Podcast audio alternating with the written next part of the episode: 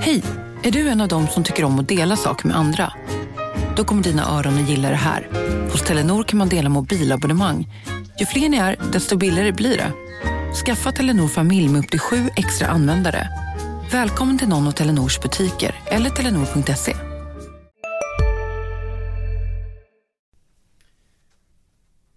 Jag kan podda. Jag är inte rädd. Jag kan podda. Jag är inte rädd. Jag kan vara Lukas Salin. Jag är ingen avbytare. Nu kör vi. Du måste tro på dig själv Petter. In Petter we trust.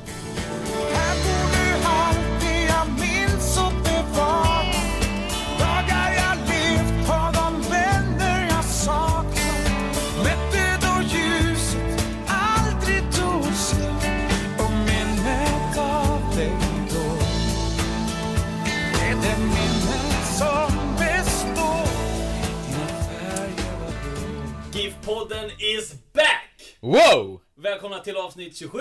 Med mig, Peter Örling, och med dig, Oskar Lund. Jajamän. Hur känns det att inte stå och titta på eh, Lukas Salins vackra bruna ögon? Det är med skräckblandad förtjusning som eh, jag noterar att det är du Petter Örling som står på andra sidan. Nej men det känns bra. Eh, det har ju... Det har ju varit min och Lukas grej där med podden men... Eh, jag kunde nog inte önskat mig en, en bättre ersättare för, för Lukas än, eh, än dig. Har han bruna ögon? Du sa ju det, jag var lite osäker. Nej, det har han inte va? Vad har han då? Nej, nu, nu blev jag osäker. Dålig bästa kompis som inte vet vad han Ja, för du är väl ögonfärg. eh, gudfar till eh, hans barn? Ja, en av dem. Mm. Sen fick jag inte förnyat förtroende. Det kanske var det, du hade försagt dig på eh, hans eh, ögonfärg. Ja. Du, eh, det är ju stora skor att eh, fylla det här. Men det är min för första podd någonsin i livet.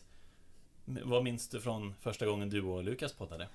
Eh, oj, jag minns inte riktigt hur, hur första avsnittet eh, var faktiskt. Eh, jag måste tänka tillbaka. Vi kanske kan... Eh, nej, det kanske är att ställa för stora krav på... Det är alltid lite pirrigt där första gången menar jag. Och plocka Ja. den blomman. Ja men det är ju det och jag förstår, du får ju ett stort ansvar direkt här också. Lukas har ju liksom en... eh, Jag får ju ofta stå här och, och tycka en massa och han, eh, han tar ett stort ansvar när det gäller liksom eh, att leda showen, få den att rulla vidare och redigering och tekniskt och sådär så att du, det är ingen liten roll du har fått heller. Så jag förstår, jag förstår om det finns lite puls men det ska du väl göra också. Ja. Det är väl då man presterar på topp. Se bara på GIF Sundsvall mot Halmstad. Ja, jag hoppas att vi får ut en podd och att den har liksom bra kvalitet. För det är väl som sagt Lukas som har tagit det största ansvaret. Åtminstone brukar han säga det. Ja, men det är det. kommer valsar in här och, och tjötar lite. Ja, Jag har väl tagit eh, det stora ansvaret när det gäller att fixa gäster. Eh, Det är det jag som har, har dragit det, det tunga lasset. Eh, Och sen har han skött mer av det liksom Det, det tekniska och, och de bitarna. Absolut, det, det han dragit det stora lasset. Sen så har väl planeringen från oss båda varit ganska varierande. Vissa gånger har vi förberett oss bra och andra gånger då har vi gått in och bara rivit av på, på uppstuds. Och det är väl lite så det får vara tror jag. Alltså, vi, då har vi ju vi pratat om, jag och Lukas i podden också, att vi Tyvärr så gör vi det ju inte på heltid utan man får klämma in det lite när det passar. Du är ledig idag till exempel. Men eh, kommer in och spelar in podd och det uppskattar man ju. Och jag jobbar inte som reporter egentligen den här veckan heller. Eh, Utan eh, Du får sitter se med det lite... som en indikation på vilket allvar jag tar den här podden på. Verkligen, och det gör du. Det ska jag intyga. Ja, Eh, det, det här är ingen lek. nej det är inte. Du, ska vi ta avstamp i den här matchen då som spelades i lördags? Ja, vi får väl göra det. Mötet med Halmstad som Giffarna vann med 1-0 efter mål av födelsedagsbarnet och ångestdämparen Erik Larsson. Mm, absolut. Eh, inte den enda giffaren som fyllde år. Smile Söljevic hade väl också födelsedag och, och firade det med en eh, mycket fin insats. eh, Tycker jag. Ja. Eh, Och Ferran Sibila fyllde år torsdagen innan det, fyllde han 29. Stämmer. Så att, nej, det var mycket klang och jubel. Bara ett mål, och, men vilket viktigt mål och vilken otroligt viktig seger. Det var ju precis som du säger. Ångestmöte var väl det, den etiketten vi, vi satte på det efter lite bollande sådär. Och det, det känns väl väldigt befogat. Det är klart att det var ångestladdat i, i båda lagen och eh, ja, tre poäng som GIF Sundsvall verkligen behövde och jag tycker att det blev välförtjänt tre poäng till slut också. Mm. Du, jag tror att du håller med.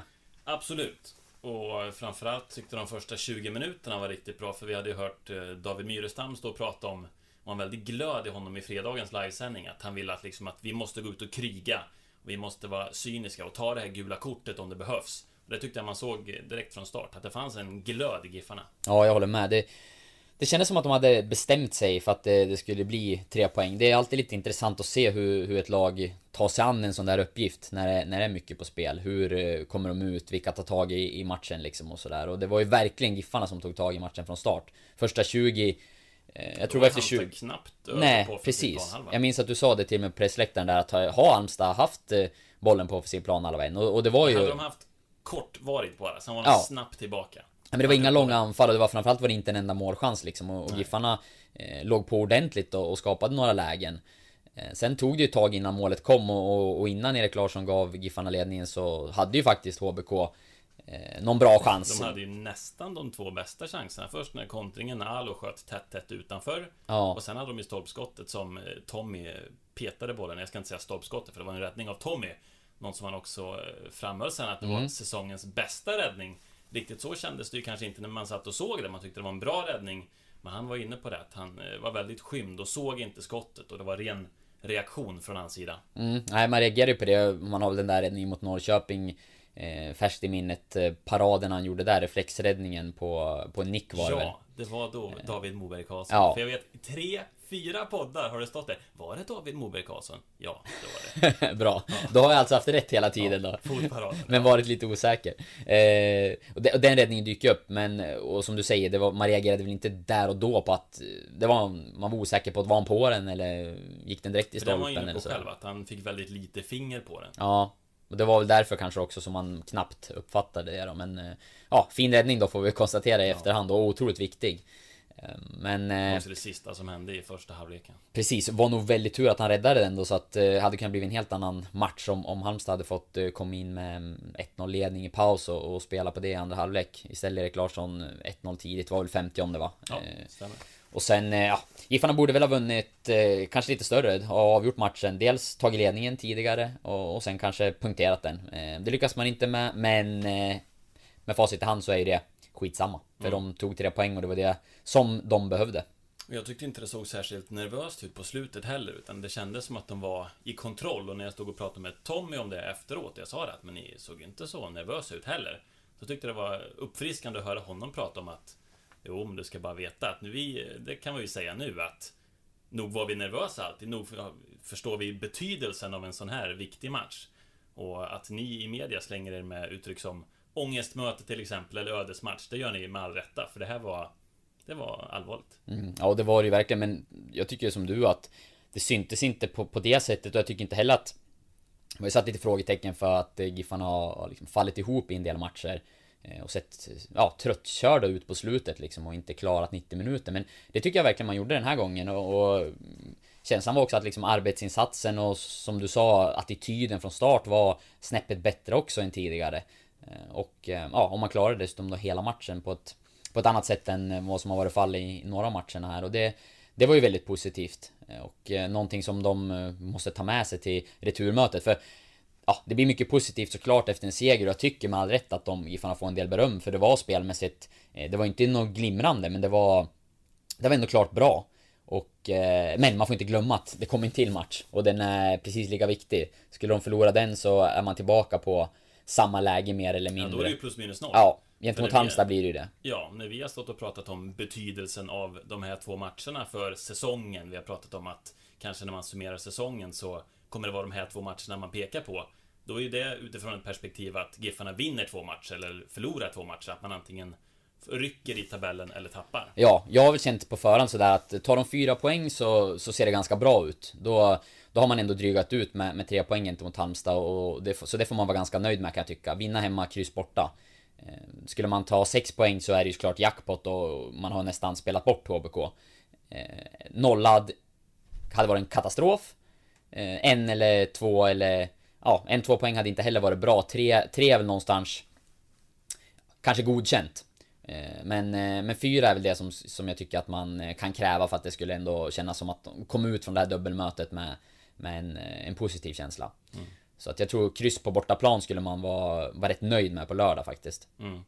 Ja, och nu är det ju ett HBK som har förstärkt med Johan Oremo. Mm. Det, är väl, det har väl hänt två stora saker då, en i vardera lag. David Batanero spelklar i Giffarna. Johan Oremo eh, presenterade här nu när vi står tisdag och spelar in. Hoppas väl att det här kommer ut under onsdagen. Kanske med lite hjälp av eh, Lukas Alin också. Mm. Men eh, Oremo in i HBK. Ja, eh, intressant eftersom att det är en spelare som väldigt många GIF-supportrar har eh, velat ha till, till, eh, till GIF Sundsvall. Vi har ju fått ganska ordentligt med påtryckningar från fans om att vi ska ta upp med Urban Hagblom och fråga varför värvar de inte Oremo och sådär.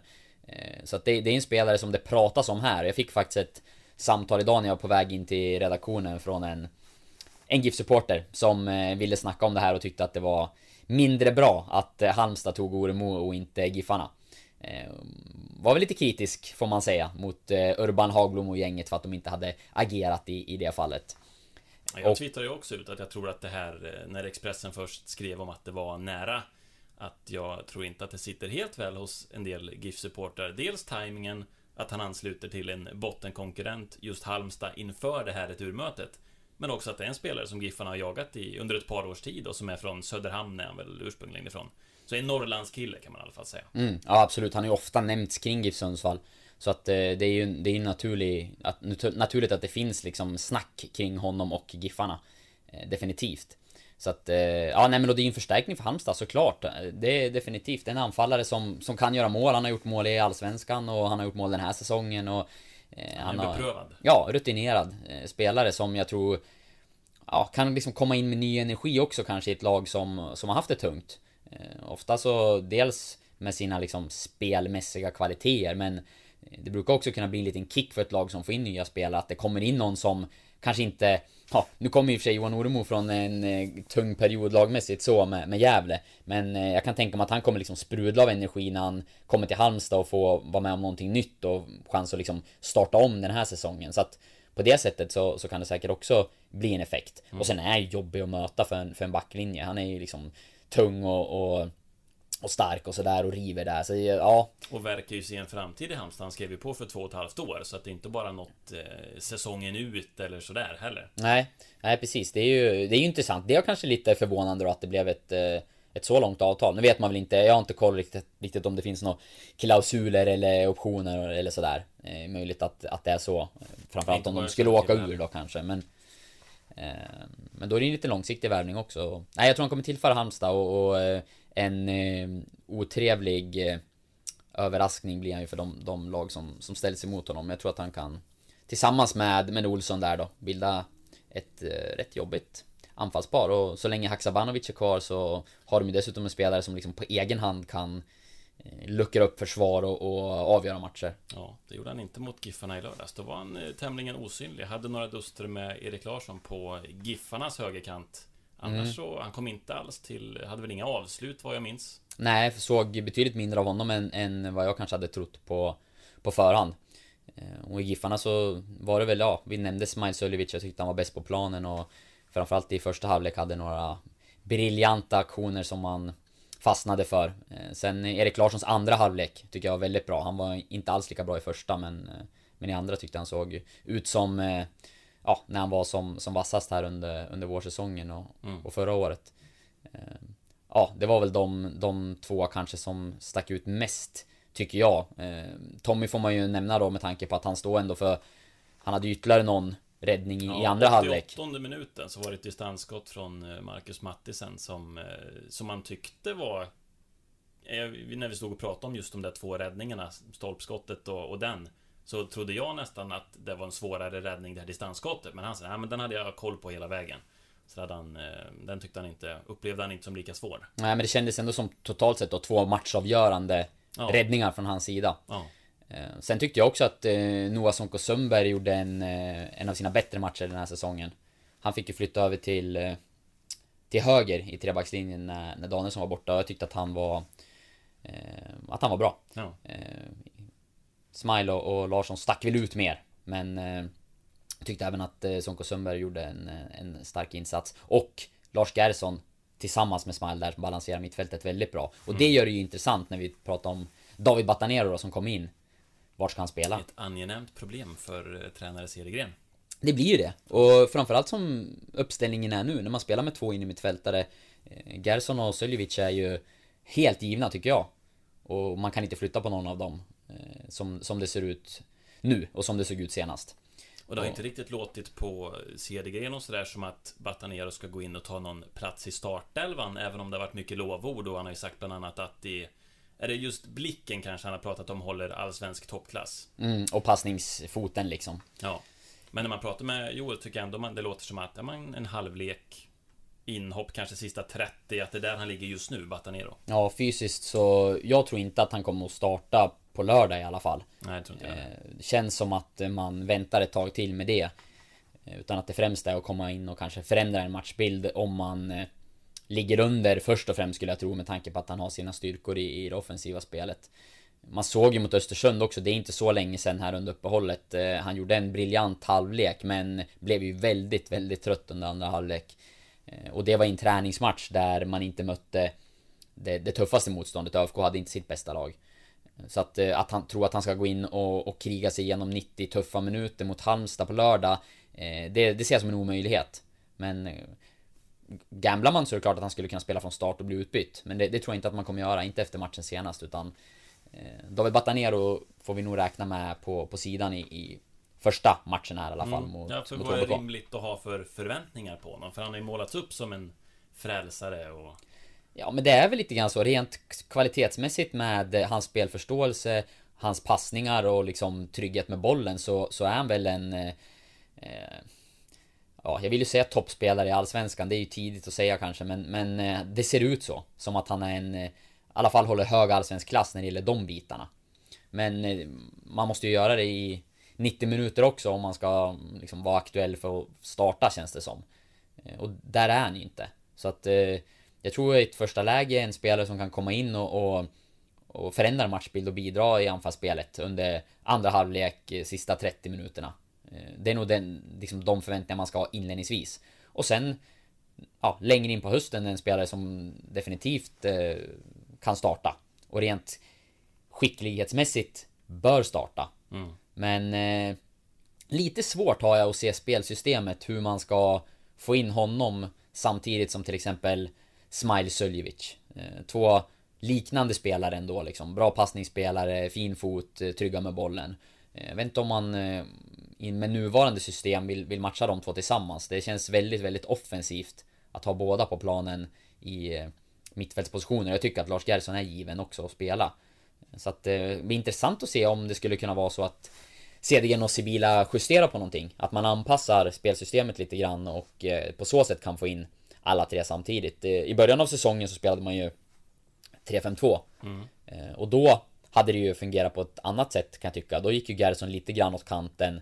Söljevic hade den här helt centrala balanserande rollen. Eh, Hade man spelat på det sättet kanske man hade kunnat fått in alla de här tre tillsammans. Men eh, som systemet är nu så känns det svårt. Om vi ponerar att Oskar Lund hade varit huvudtränare för GIF Sundsvall, hur hade du resonerat? Eller vad hade du valt? Du har ju stått och resonerat här en liten stund nu. Mm, på lördag hade jag inte startat med Batanero utifrån det jag sett utan då hade han nog fått, fått börja på sidan. Så, så då hade det varit Söljevic och, och Gerson tillsammans på, på det centrala mittfältet. Eh, definitivt. Det, så känns det. Det kittlar jättemycket att se honom spela och man vill att han ska spela och det är liksom Som du säger, det har byggts upp en stor förväntan och man har Satt ju själv och kommenterade matchen mot Östersund när han var Ja, var sådär bra. Och, och man gillar ju det. Det är, det är kul att se spelare som eh, Som kan stå för det lilla extra och som, som sticker ut på det sättet han gjorde i den matchen. Så det är klart att jag också vill se honom på planen i, i Allsvenskan. Men utifrån det, nu ser inte jag alla träningar, men, men utifrån det man hör när man pratar runt och det man har sett hittills så tror jag nog att eh, jag hade valt att låta honom vara en joker på lördag. Eh, Ja, men för även Samuel Aziz när jag pratade med honom efter någon träning var inne på, eller var det U21-matchen då kanske? Lite osäker, men Mm. var inne på att ja, men det känns nästan som ett tv-spel, vissa av grejerna han gör. Han Ja. hade ju den här helikopterfinten mot eh, Östersund när han avancerade upp i banan och så, ja, det finns mycket kvalitet där. Ja, onekligen. Det... Nej, som sagt, det kommer bli svårare. Jag tror ändå att den här första matchen... eh, Ja, nu tar vi det ju för givet här att han var på sidan, och så är det ju inte. Det är klart att Joel Cedergren, det har ju vi hört, som har pratat med Joel om Batanero, att det är ju ingen tvekan om att GIF-tränaren gillar den här spelaren, utan han har ju liksom öst superlativ över honom. Så att... Eh, ska väl inte ta helt... Blom var ju inte glad när han inte fick Nej. byta ner och spelklar eh, inför helgen här. Carlos Moros Gracia var ju spelklar 0006 i lördags. Då hade man att göra med USAs nationsförbund Batanera. Då skulle man vara i kontakt med det spanska förbundet och där fick man inte tag på dem via mail, telefon, sms. Nej, på flera dagar dessutom. Urban Hagman var ju inte nöjd över spanska förbundets agerande. Samtidigt som man var snabb med att peta in att Ja, jag har ändå förståelse för det. De har så många ärenden och så. Men det var ju lätt att se att eh, det sken ju igenom hur pass irriterad han var. Ja. Eh, och han uttalade sig också till oss att blir han inte spelklar eh, liksom, i tid till lördagens match då kommer jag flyga ner med Svenska förbundet till Spanien och lösa det här. Eh, men det blev ju klart. Ja. ja. Så att eh, det var ju... Det var nog tur. Eh, Och då, eh, skönt för Joel och kompani den här gången, för inför matchen i lördag så pratar de om att ja, men vi har en plan A om Carlos och Batanero blir spelklara och så har vi en plan B om de inte blir det. Nu, det var liksom lite rörigt där, plus att de hade frågetecken på Dennis och Tommy och Björkander. Björkander också. Ja, det blir nog lättare eh, eller det blir svårare att eh, ta ut laget eh, den här gången Men eh, på ett, vad ska man säga, mindre kaotiskt sätt det, De kommer få svårt att välja förmodligen för att man Ja. kommer att spela tillgängliga Nu vet vi inte exakt hur skadesituationen ser ut, det är ju ett antal dagar kvar till match men Det troligaste är väl att man ändå kommer kunna välja mm, liksom att Dennis Olsson är uttagningsbar. Björkander spelade ju och kommer förmodligen vara, alltså kunna spela igen Ja. då. Även Tommy. Batanero tillkommer, man vet redan nu att Carlos Moros Gracia är eh, Ja, kan vara med i truppen. Ja, Eh, Så att, och Danielsson tillbaka efter avstängning. Så att den här gången blir det ju liksom svårt att ta ut laget på ett annat sätt På grund av att det finns mycket att välja på. Och det Ja, det är väl eh, välkommet säkert Eh, Men För- Gracia då? Nu har jag pratat så mycket om Batanero. Det har varit ganska tyst om Gracia sen han kom. Och vi har varit inne på det i någon livesändning och pratat lite om det, men vi kan ju ta det i podden också. Men vad kan man ha för förväntningar på honom då? När vi pratar med Ferran Sibila så är han inne på att det här är en spelare som kan konkurrera om en startplats. Ja, man känner ju att, att han har hamnat i skymundan och eh, att eh, när man är på träning och tittar har det blivit mycket att man har liksom sökt eh, Man har tittat mycket efter Batanero för man vill bedöma hans kvaliteter och det snackas om honom och sådär och eh, Det blir ju kanske att man kikar mindre då på, på Carlos och ser vad Vad kan han egentligen? Men, men det man har sett han fått lite dåligt samvete någon gång när Ja, man men har nästan. intervjua Batanero via Carlos. Ja, Och så har man inte ställt någon fråga till Carlos. Nej, man har klämt in någon på slutet möjligtvis. precis för det kan vi säga till er som lyssnar också att eh, David Batanero pratar ju spanska och väldigt, väldigt lite engelska Ja. eh, Carlos Ett fåtal ord bara. Ja, medan Carlos pratar ju väldigt bra engelska efter att ha Ja. bott i, i USA. Så det är en stor skillnad där, så han har ju fått agera tolk någon gång och då hamnar man ju i det där läget. Ja. Och, eh, man har fått lite dåligt samvete då, men man har även fått det någon gång för att man känner att jag, jag har lite för dålig koll på honom. Mm. Utifrån att han ändå har tränat eh, under en lång period. Men ledaregenskaper finns ju där. Han var ju lagkapten i sitt college-lag i USA. Ja, precis. Och passningskvalitet vet vi. Det Ja. har vi sett lite prov på i både U21 och... Han var ju med redan i genrepet mot Täby. Så Ja. Mm. de har ju varit här länge. De har varit här sedan mars. Är det ännu tidigare till och med? Ja, det är helt sjukt att de inte har Ja. spelat i Allsvenskan tidigare så här. Men ja, det, som du säger, det man har sett och det man har hört om Carlos är ju att han är verbal, han styr och ställer i en backlinje. Han har en bra passningsfot, duktig på att spela upp bollen och, och hitta lösningar. Eh, men att hans... Eh, Och just det här med att han är så verbal när man har en ganska ung, några unga mittbackar i Noah och i Erik som är, är de 20 båda två? Ja. De fyller 96. väl, de är född 96... Eh, jag tror 96 båda är född två, 96 ja. tror jag. Mm. Och sen har vi Marcus Danielsson som inte är så verbal av sig, som kanske är mer en ledare på i sitt sätt att agera på planen. Ja, där... Man ska göra någon dålig referens då, typ Mark Messier i hockeyn. Ja, Han nej men... var ju en ledare. Lead by example. Wayne Gretzky var ju däremot en lead by example kille. Ja, Ja precis. Eh, nej men Danielsson är inte den mest... Nej, Danielsson är inte den mest verbala och... Eh, där har väl David Myrstam, kan jag känna, när han kom in nu sist... Eh, att han fyllde en funktion på det sättet. Han har blivit mer verba, verbal med åren och i och med sin erfarenhet eh, vill vara en större ledare än vad, han, eh, än vad han var tidigare i karriären. Och det var också de signalerna han sände när, när du och jag pratade med honom i vår livesändning Precis. som vi nämnde i början liksom att det fastnade man verkligen vid hur han ville gå in och visa vägen och, och liksom det är vad han säger till media. Då vill man ju veta vad han säger i omklädning, omklädningsrummet också för att peppa spelarna och han är ju säkert en ledare där också. Ja men det känns så, att han har, han har växt på det sättet under sin karriär och, och där kan han bli nyttig och på samma sätt så kan eh, Carlos Mosgrasa bli nyttig i backlinjen just för att han, eh, han är en av de, eh, ja, få då kanske, som, som verkligen snackar mycket och, och hörs och, och vill styra. Eh, det sägs väl att hans liksom, han är väl mer, vad ska man kalla det då? För att vara en försvarsspelare så är det liksom de, de offensiva kvaliteterna sticker ut mer än de defensiva, om man säger så.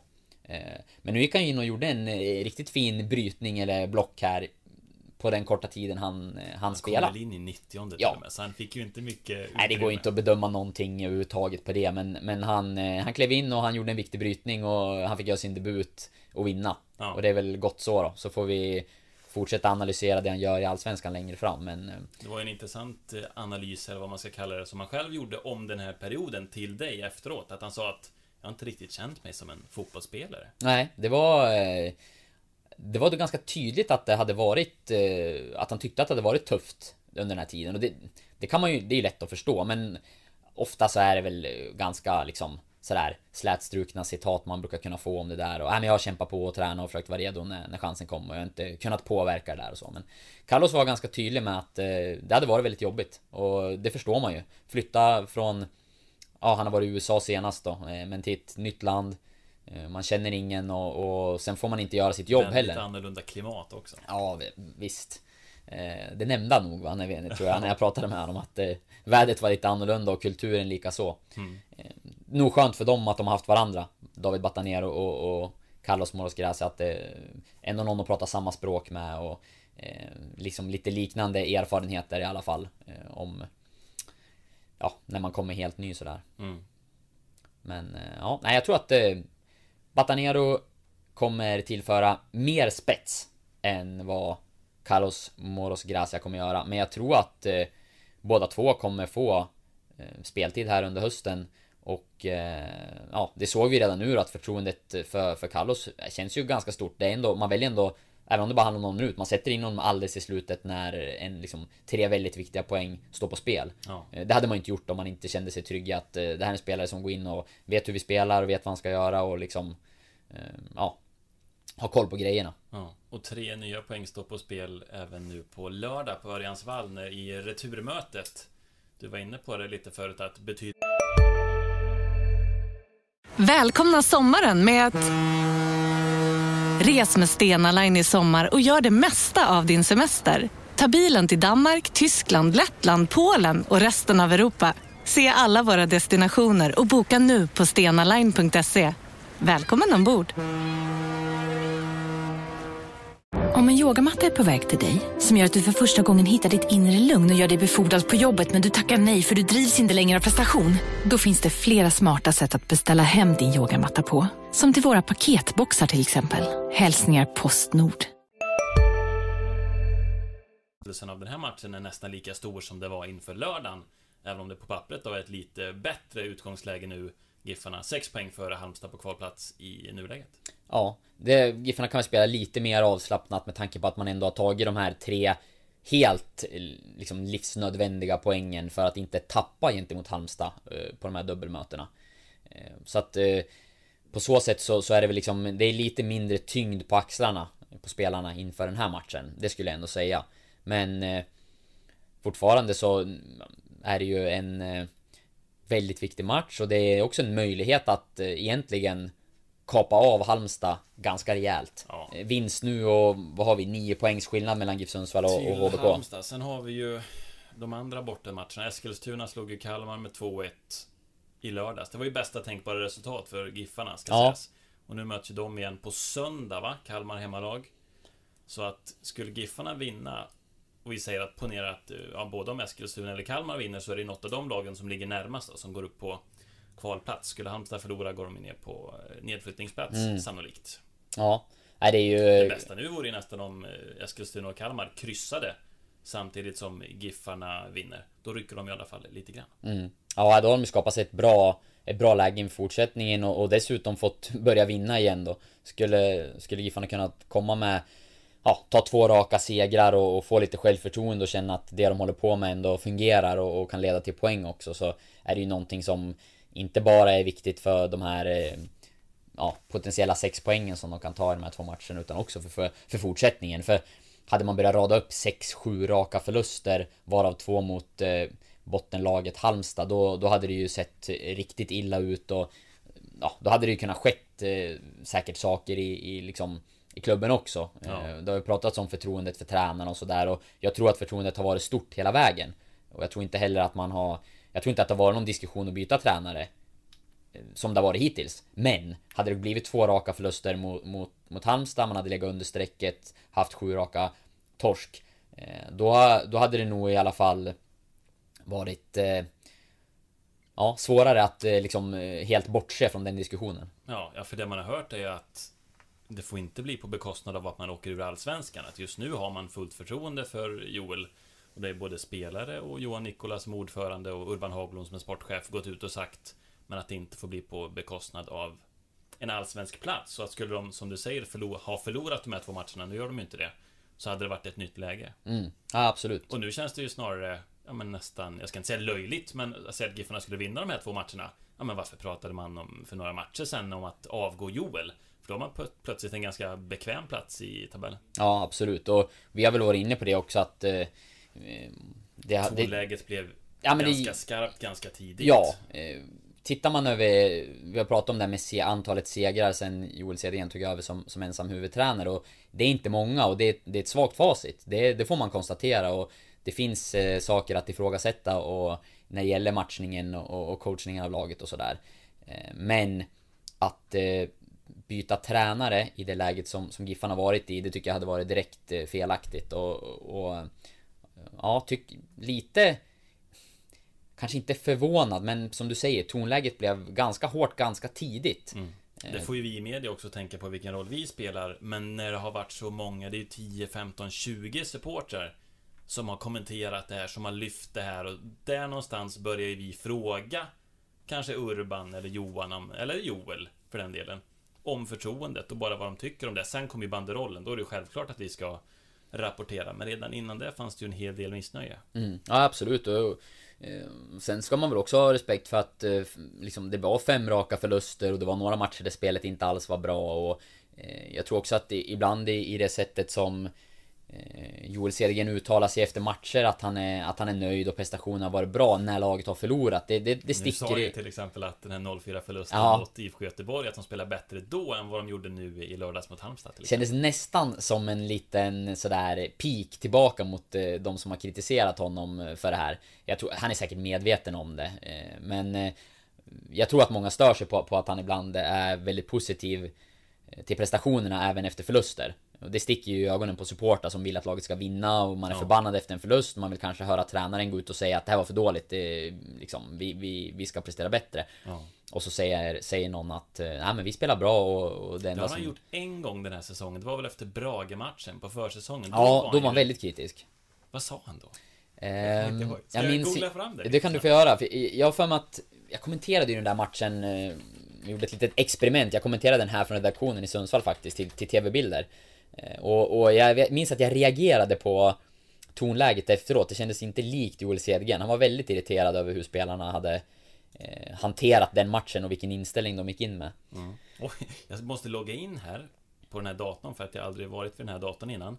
Och då är det Lukas Salins inloggning som jag kommer direkt in på. Mm, hur känns det? Blir de där skorna ännu större att fylla just nu eller Just känner, nu du, känner du att du har ja, hanterat just det? Nu känns det väldigt bra. Jag Ja. känner mig som Lukas Salin nu. Med hans Det är en skön känsla, kan jag tänka mig.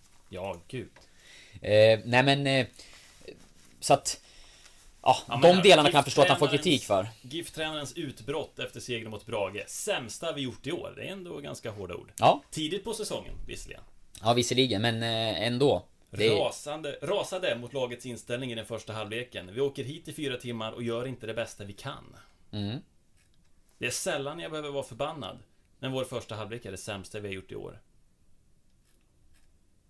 Jag skiter i det taktiska. Jag skulle kunna säga 20 saker om det. Men vi är inte där riktigt. ja, han är förbannad. Ja, det var han.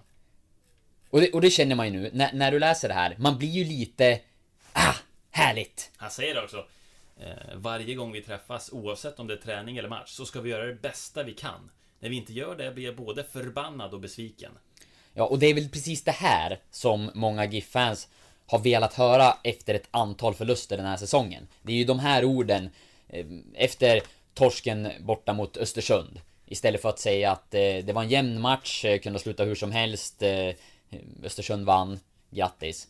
då hade de velat höra det här. Ja. Skulle jag tro. Sen om det är rätt eller fel, det kan man ju diskutera och eh, någonstans så liksom prestationen är ju det som man till störst del kan, kan påverka som, som spelare eller som tränare och sådär. Att det är ju faktiskt eh, annat än det är inte alltid det bästa laget vinner, ibland har man marginaler emot sig, det är, det är domslut, det är felstudsar, det är... Tar man Blåvitt-matchen som exempel så hade det kunnat lika gärna stå 3-0 till Giffarna i halvtid. Nu stod det 3-0 till Blåvitt och var Precis. sen 4-0. Och någonstans är det ändå så att fortsätter man rada upp prestationer som, som är bra så, så kommer man ta fler poäng liksom. Eh, Det, man gör det för enkelt för sig om man pratar om att liksom gå in och, och bara kriga och vara förbannad och skälla efter förluster liksom. Är, han har ju, han försöker ju liksom nyansera den bilden men jag tror att rent taktiskt av Joel Cedergren så hade någon gång kanske han skulle skita i det. Även fast han tycker att prestationen har varit helt okej så eh, just i de där TV-intervjuerna så tror jag att supportrarna i alla fall hade uppskattat om det var lite mer eh, känslor någon gång på det sättet. Men eh, sen rent fotbollsanalytiskt så har han nog oftast rätt, det får man nog säga. Ja, och som du var inne på så tror jag inte att det någon gång i GIF Sundsvall ens har nämnts att man skulle sparka Joel Cedergren. Nej, jag tror inte det. Jag tror inte att det har varit någon, någon diskussion kring det än så länge. Hade man förlorat båda matcherna mot Halmstad så tror jag att eh, då hade man varit tvungen att ta upp frågan eh, och diskutera den på något vis. Men eh, inte, inte som det har varit nu.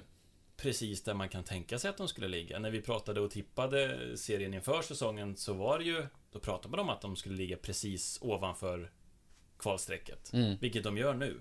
Det är väl precis de här förväntningarna man skulle kunna ha. Ja, jag, jag vill minnas att jag tippade dem precis ovanför kval och jag tror att vi har flera stycken här på redaktionen som hade just den placeringen. Den som känns eh, mest, mest rimlig. Sen får man ju säga då att de valde ju själva att eh, hypa upp sig lite grann och prata om en topp 8 placering och eh, hade man 10 i fjol och ville göra det bättre liksom och så. Och, ja, men det var väl kanske att gapa efter för mycket med tanke på hur truppen såg ut. Eh, Kan jag tycka. Det är för att eh, jämför man truppen de hade från start förra året med truppen från start i år så är den ju sämre i år. Det är ju, tycker jag inte går att eh, diskutera liksom. Det är, man, då hade man Runar Sigge Jonsson i, i laget, man hade eh, Padibba och sådär och Stefan Silva. Det, det fanns flera liksom eh, spelare som, som höll en, en högre nivå då från start. Sen är det, det här en, precis som Giffarna själva var inne på, en utvecklingsbar trupp och med spelare som kan ta kliv men nu är det inte så, så många av de, de unga spelarna som liksom har Kanske, ja, de har inte fått sina genombrott på så sätt i år i alla fall då. Det är väl Erik Björkander som eh, av de, de yngre som verkligen har Såg ju inte ut som en Blommat ut. startspelare på pappret när säsongen började. Nej, han var väl en av de man hade minst förväntningar på. Jag trodde inte att han skulle vara en startspelare Nej. eh, den här säsongen. Det Men han, pratades ju om att han... Var det Mjällby han skulle lånas ut till? Eller var det, det, var, det var snack om utlåning i alla fall Ja. minns jag och vi har pratat med honom där i efterhand och han sa ju själv också att lite grann fanns det väl i bakhuvudet om kanske det skulle vara det bästa att gå på lån någonstans. Ja. Eh, nu Det blev det inte så. Det var ju ett, nej, det var ju verkligen ett bra beslut av honom att stanna kvar. Nu är han ju högaktuell för kommande U21-landslag och sådär och assisterande U21-förbundskaptenen var ju förresten här i, i dagarna. Eh, du och jag, Fredagen var det va? Ja, och tror också att han var på plats och såg matchen mot, mot Halmstad på lördagen.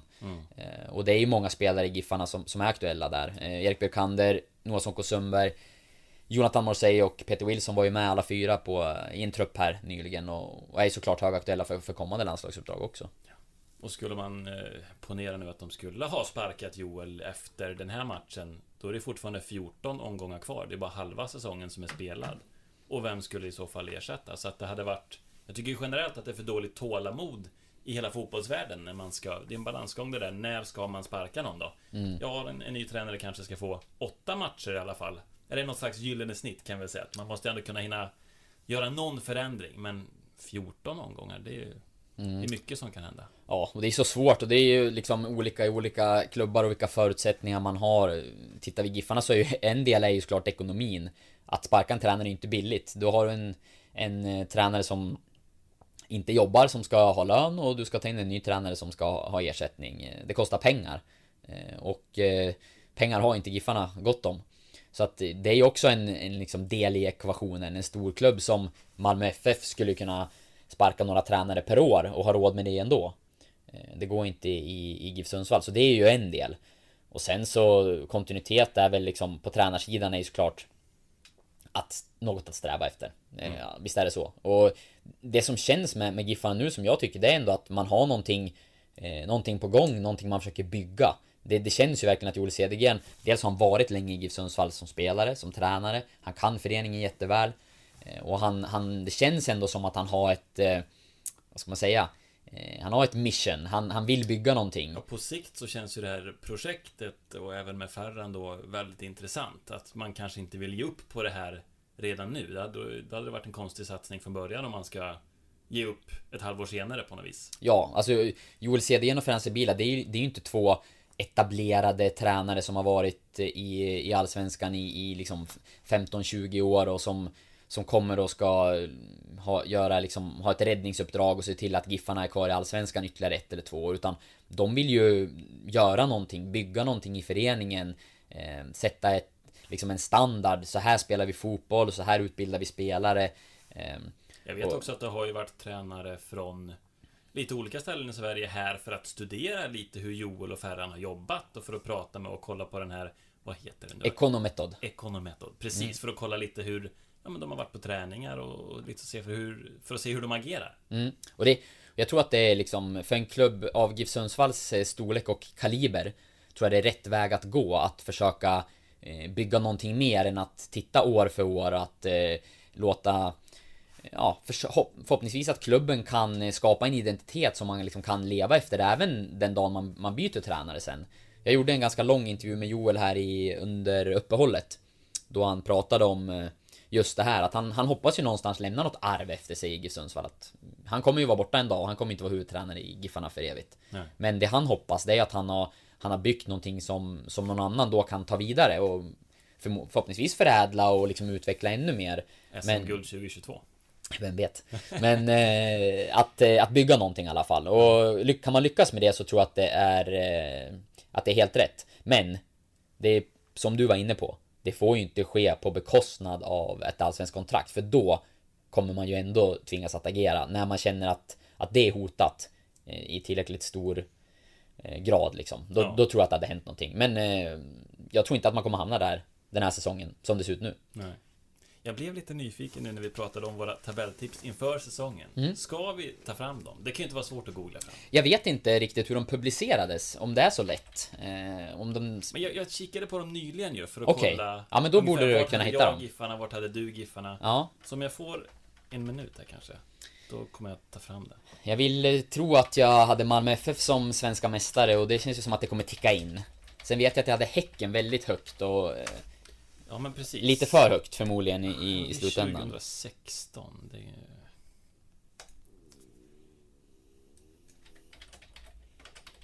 Sånt här är ju alltid jobbigt när man ska liksom tvingas stå till svars för någonting. Det vill man ju inte. Det kan bli en spännande stämning i, ja. i podden. Hade du inte Sirius på en fjärde plats som de parkerar på efter halva serien i alla fall?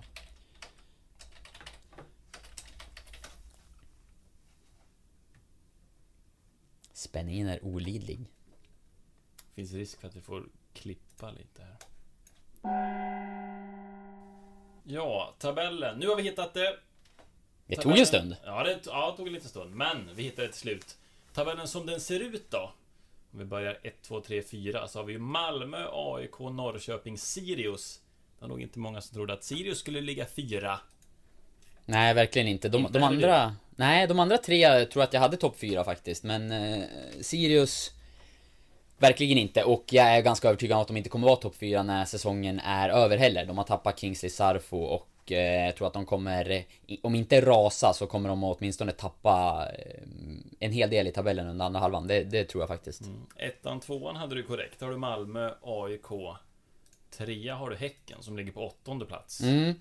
De har ju underpresterat tycker jag. Eh, och eh, eh, har jättefin trupp och så. Många skickliga spelare men inte riktigt fått ihop det till att vinna så mycket som jag trodde att de skulle göra. Tror dock att Häcken motsats till Sirius kommer att klättra. Så att jag tror att det är två lag som kanske kommer mötas lite grann i tabellen. Att Sirius dippar och Häcken börjar plocka placeringar. Men om de kommer upp som Ja, de lär inte komma upp på en tredje plats som jag hade tippat. Men jag tror att de kommer kunna ta sig upp mot en topp 5 eller något liknande i alla fall. Mm. Kanske inte behöver gå igenom lag för lag. Sirius hade du på 14 plats. Mm. Ja, de har ju... Ja, och det hade väl de flesta egentligen trodde att de skulle hamna ganska långt ner i tabellen. Så att eh, det får man se som en superskräll att de har lyckats så bra. Imponerande att eh, liksom fortsätta med det sättet som, lite likt Östersund förra året, mm, våga fortsätta spela sin fotboll även i Allsvenskan och eh, Sen har de ju haft Kingsley Sarfo som har varit briljant och nu, eh, nu är han i Malmö FF och ja, som sagt, jag tror att det kommer betyda jättemycket. Jag, jag blev inte speciellt imponerad av Sirius när jag såg dem här på, på idrottsparken för någon vecka sedan, även om de vann. Då saknar de i och för sig många spelare också. Men... Eh, nej, som sagt. Jag tror att... Eh, jag flaggar där lite grann för att det kan bli, ett, eh, bli lite av ett ras under hösten. Göteborg är det väl annars som sticker ut. Mm. Du tippar om sjua, ligger på elfte plats nu. Ja. Nej, man, ingen imponerande trupp tycker jag på förhand. Eh, som gjorde att det kändes ganska solklart att de inte skulle vara med i något titelrace. Men eh, de har gått till och med lite sämre än så och... Eh, vet inte om det är bekräftat nu men det kom ju här på förmiddagen idag, tisdag, att man sparkar Jörgen Lennartsson och det är ju ett tecken på att man inte Det är nöjda. var en nyhet för mig. Mm. Nej, jag läste det på, jag tror det var GT som, som eh, avslöjade det eh, under förmiddagen att det ska... Men det var Ha. ju kraven på att han skulle avgå har ju funnits sen i alla fall sen innan de mötte Giffarna. Ja, Och det var ja, väl i maj. ja, det har varit ganska, det har varit mycket kritik mot, eh, mot Lennartsson och förväntningarna är ju alltid höga på IFK Göteborg även om de inte har en trupp i toppklass och sådär och dålig ekonomi. Så historien gör ju att de, de ändå tippas ganska högt upp i tabellen då. Det var säkert så att rent kvalitetsmässigt när man tittar på lagen kanske jag borde ha petat ner dem ytterligare någon plats kan man känna så här i efterhand. Men det blir lite grann då, ja, men det är ändå IFK Göteborg. Ska man ha dem lägre än sjua? Nah, sådär. Och det är väl fel. Eh, får vi se då om... Eh, de kanske inte slutar 11 innan det här är färdigt heller, men... Eh, Det var ja. många rätt annars. Hammarby Tack. 9, de är 9.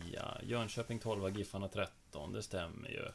Eskilstuna Jumbo, det stämmer. Örebro, ja, det, annars är det så här. Örebro ligger ju, du tippar de 11, de ligger 10 nu. Mm, Östersund hade du som sexa, ligger ju femma. mm. Du är ganska rätt ute.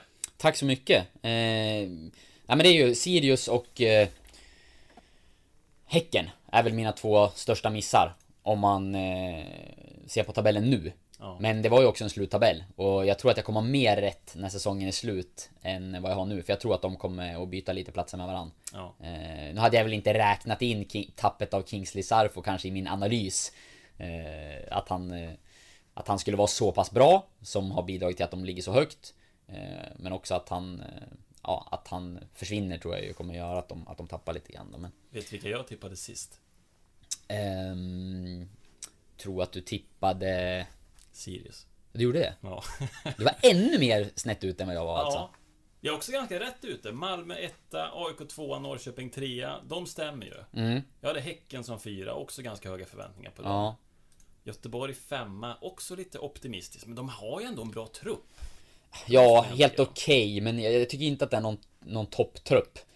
Däremot så, så är den ju ändå, de har liksom Emil Salomonsson och rutinerade Mattias Bjärsmyr och några spänn, liksom skickliga mittfältare och sådär men, men eh, ah, det är inget, det är inget topp, topplag. Men eh, visst, de ska ju inte ligga 11. Det är, det är att underprestera med det laget, absolut. Hammarby prickar rätt.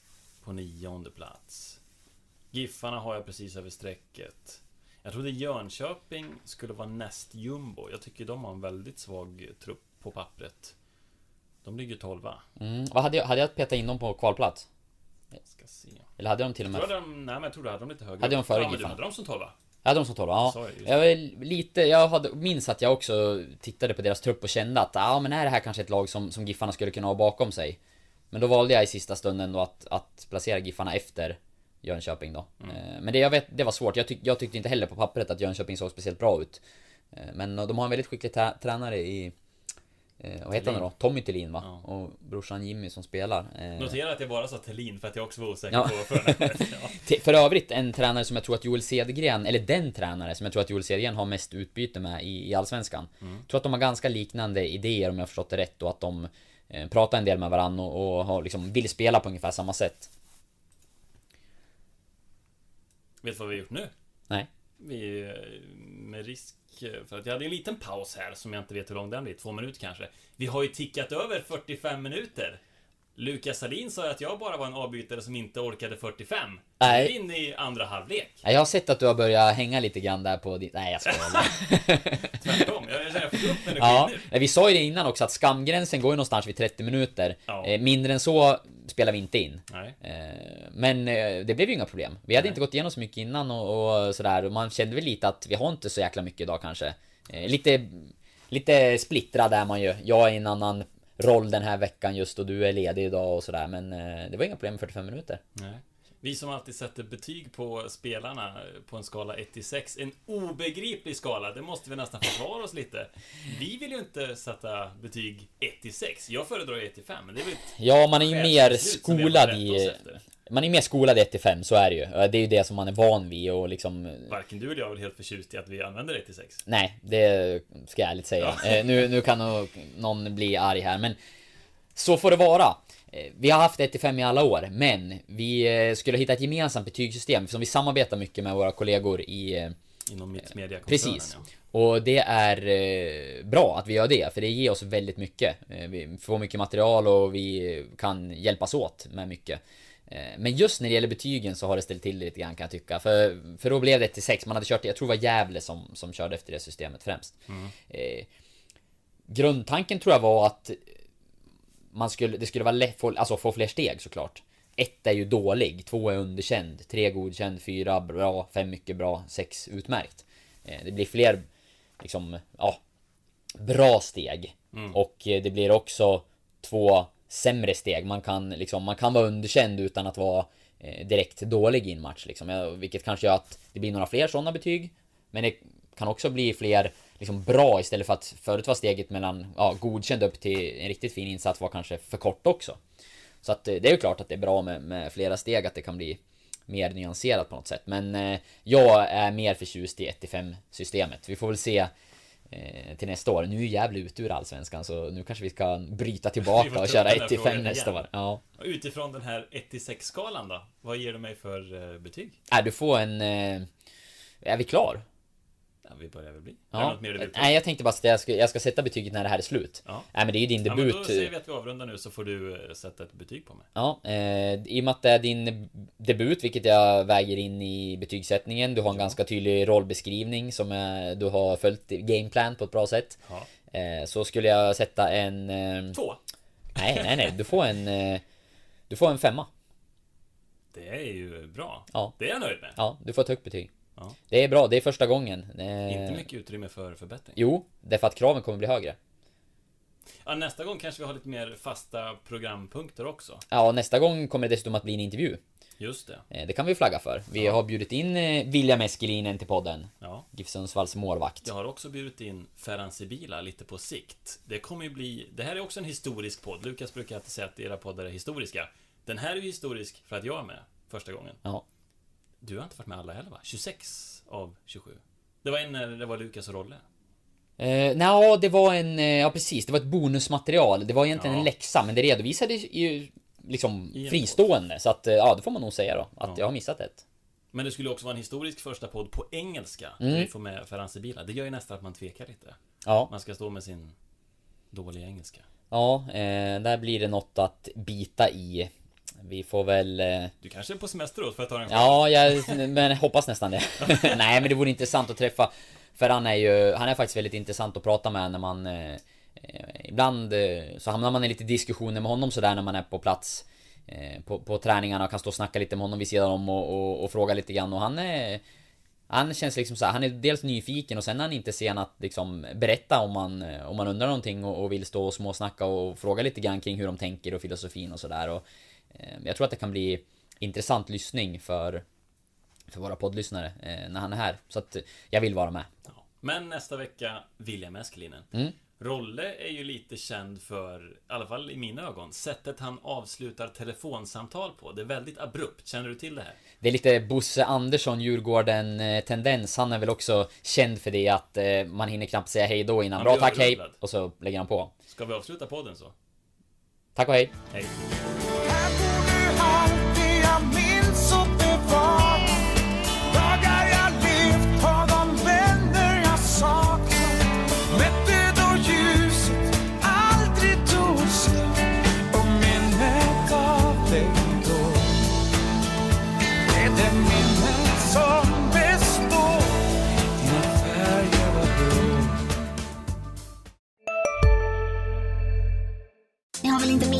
Take förpackningar ni slänger på rätt ställe ger fina deals i McDonalds app.